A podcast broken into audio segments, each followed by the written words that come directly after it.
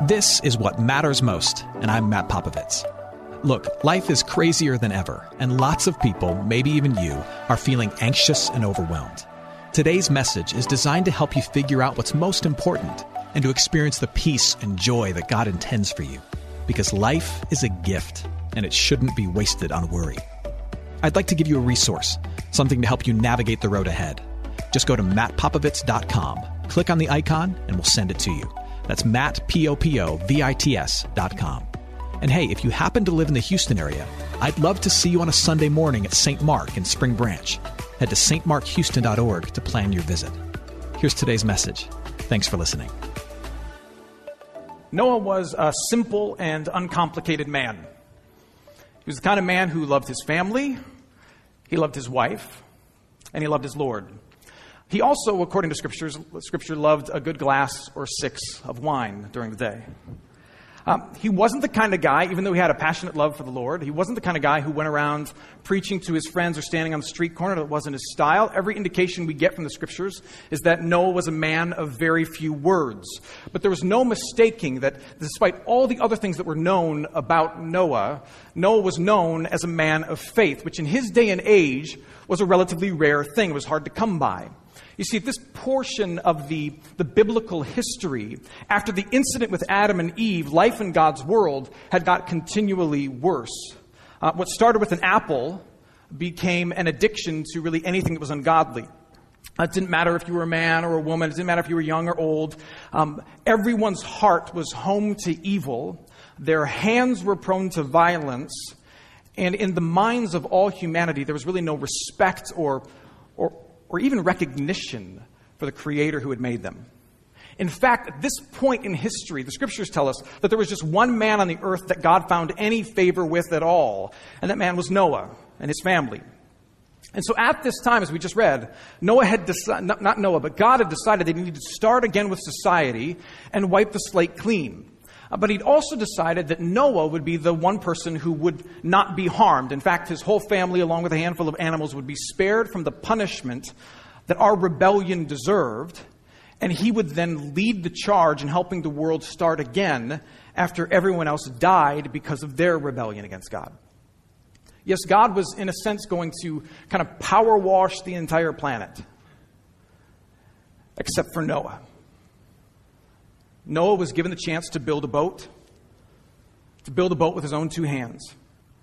And so Noah took that opportunity. He understood that opportunity to build this boat as, a, as an offer of grace because Noah was no less sinful than anybody else on this planet, even though he had a relationship with God.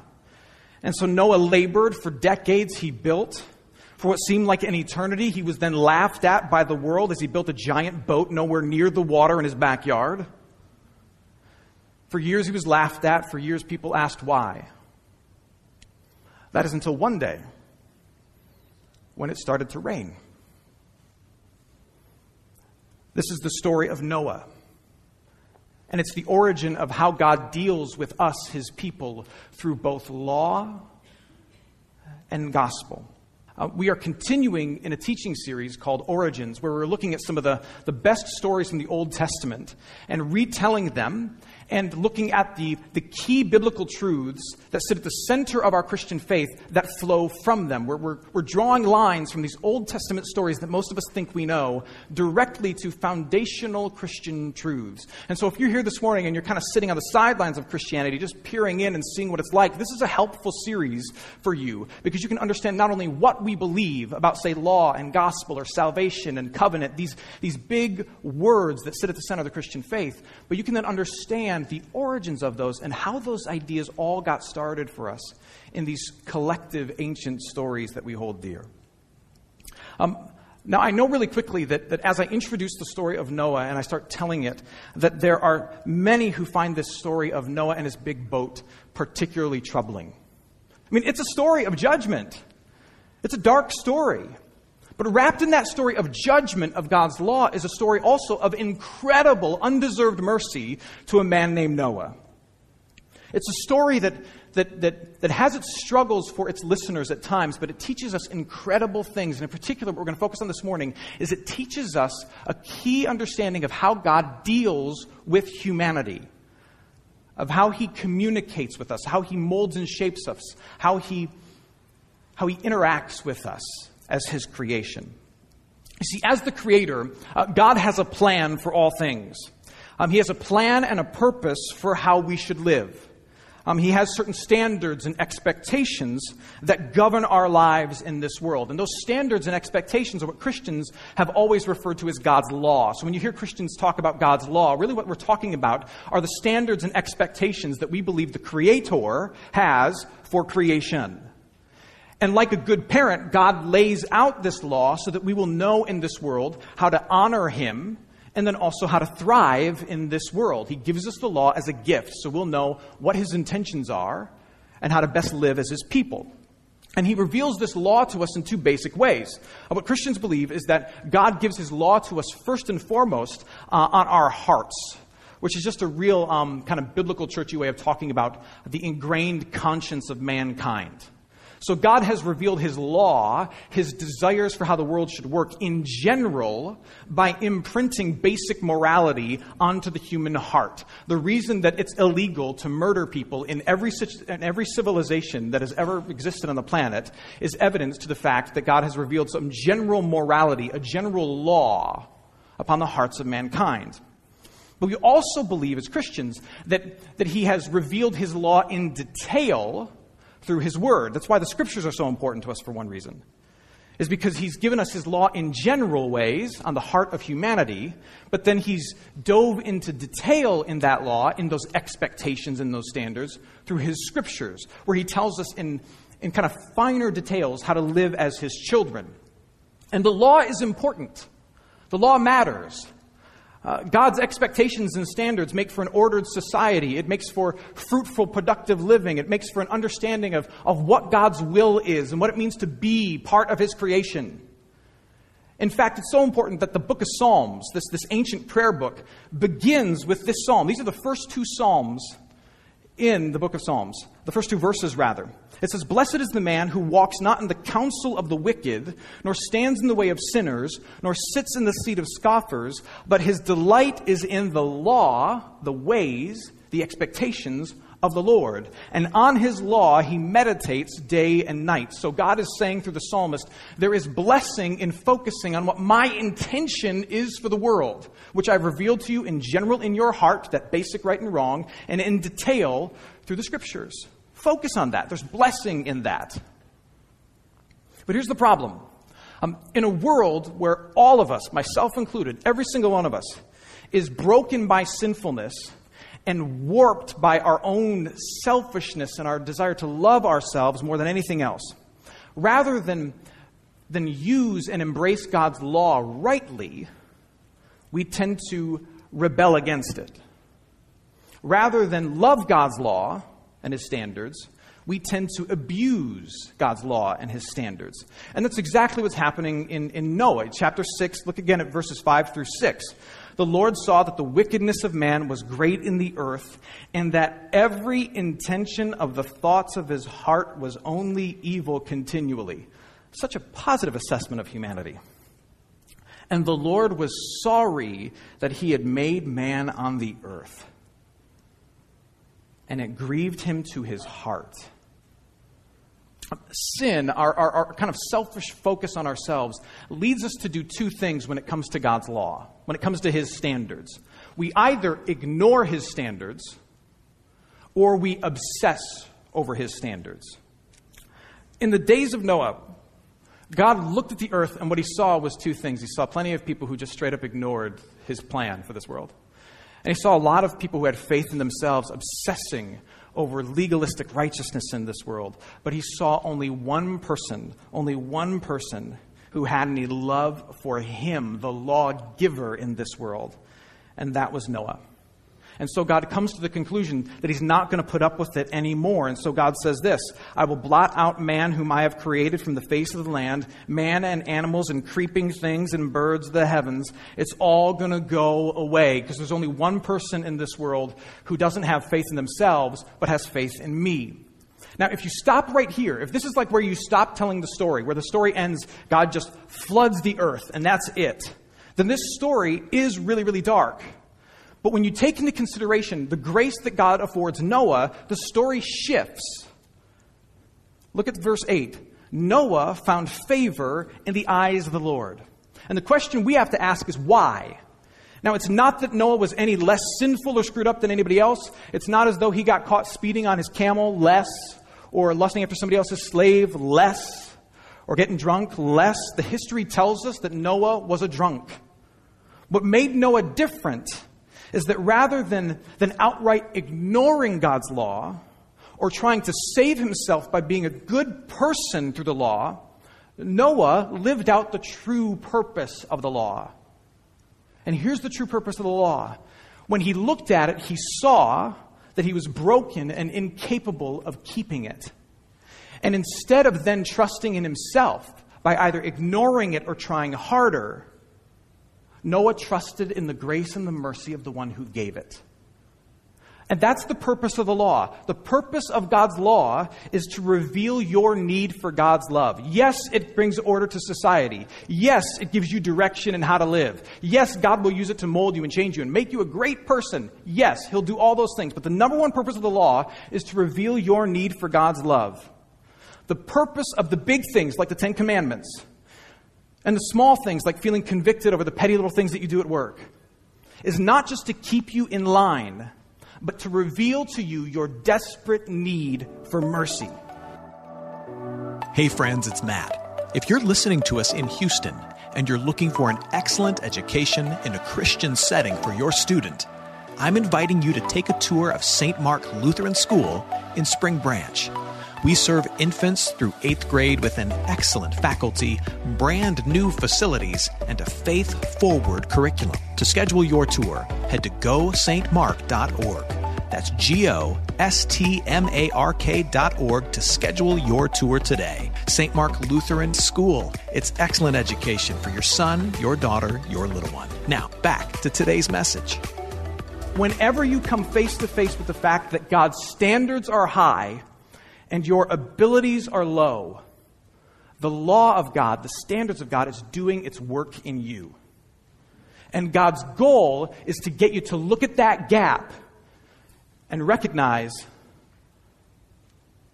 I need grace. I, I need mercy. I, I, need, I need the lawgiver to help me out. And the difference between Noah and everybody else, as the later scriptures would tell us and kind of fill in this story, is that Noah knew that. The law revealed his need for God's love.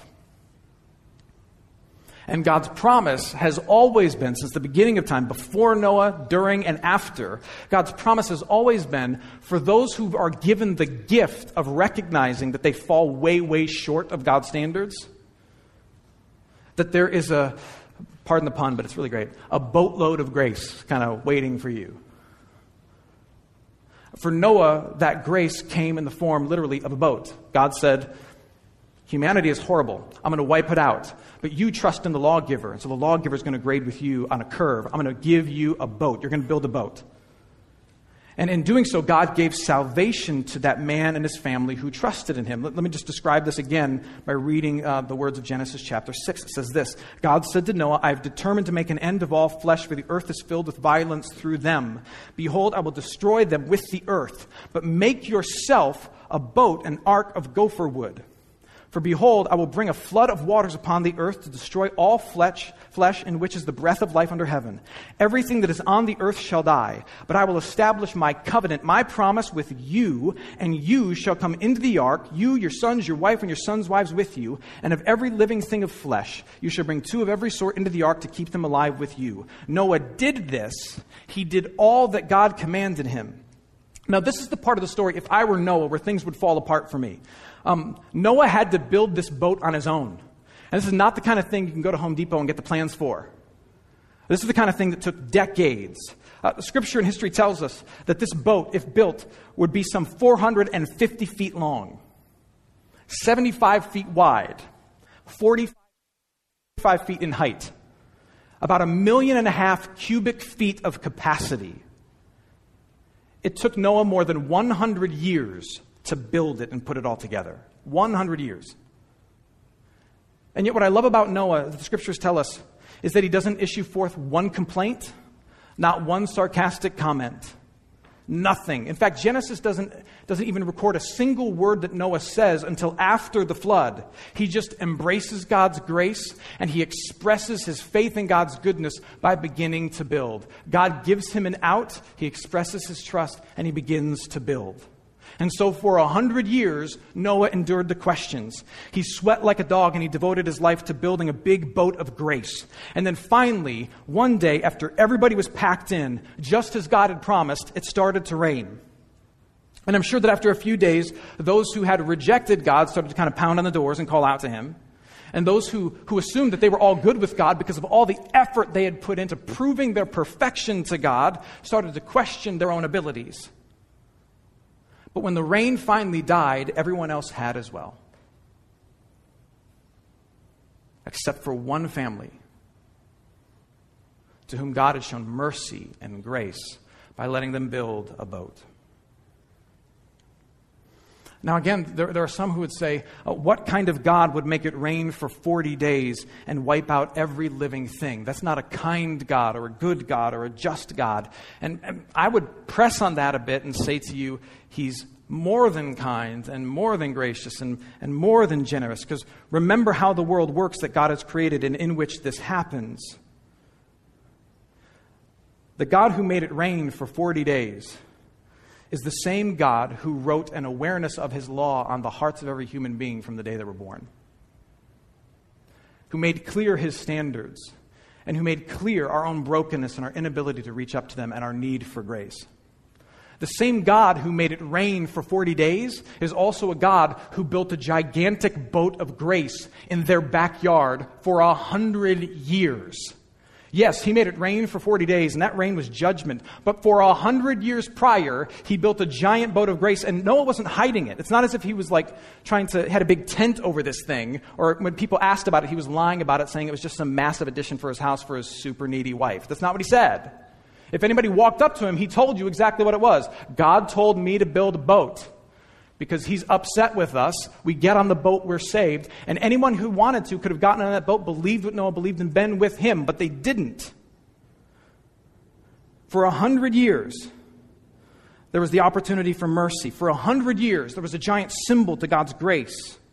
But for a hundred years it was ignored, so it rained for 40 days. And then in the end, God was incredibly fair. Everyone got exactly what the object of their faith could do in light of his judgment. Everyone got exactly what the object of their faith could do in light of his judgment. In light of his judgment, those who had faith in themselves got what their faith in themselves could give them nothing. And in light of his judgment, those who had faith in the one who judges got exactly what the judge can do everything grace, mercy, and more. The purpose of God's law is so that we will see our need for his love and then lean upon his grace and grab onto the boat. And this will sound a little cheesy, but it's the whole point of this story in the Old Testament. But, friends, in our day, in our time, Jesus is the boat. Jesus is the boat. Uh, for the last 2,000 years, the, the teachings of Jesus, uh, the, the, the perfect life of Jesus, the sacrificial, sin forgiving death of Jesus has been sitting in our midst and in our history and sending a stark message. Yes, God hates our legalism. He hates it so much he killed his son. He hates our rebellion and our licentiousness. He hates it so much he killed his son. But when we grab onto that same son, he pours grace and mercy on top of us. When we take refuge in that same son, we are spared and we are safe. And yes, when you stand close and you cling to a crazy thing like a boat in the backyard or a man who claimed to be God who was crucified in Jerusalem 2,000 years ago, when you cling to that and you say, hey, this is the path to safety, there will be people in this world who look at you and say, You're crazy. You are nuts. What good is a boat going to do you in the middle of your backyard with no ocean nearby? Or what good is this guy? who claimed to be God and died going to do for you? People will laugh or reject, but not without ample opportunity to join. The purpose of God's law is to awaken a need for His love so that you might lean on to and into and press into the rescue that He brings in the boat of Jesus Christ.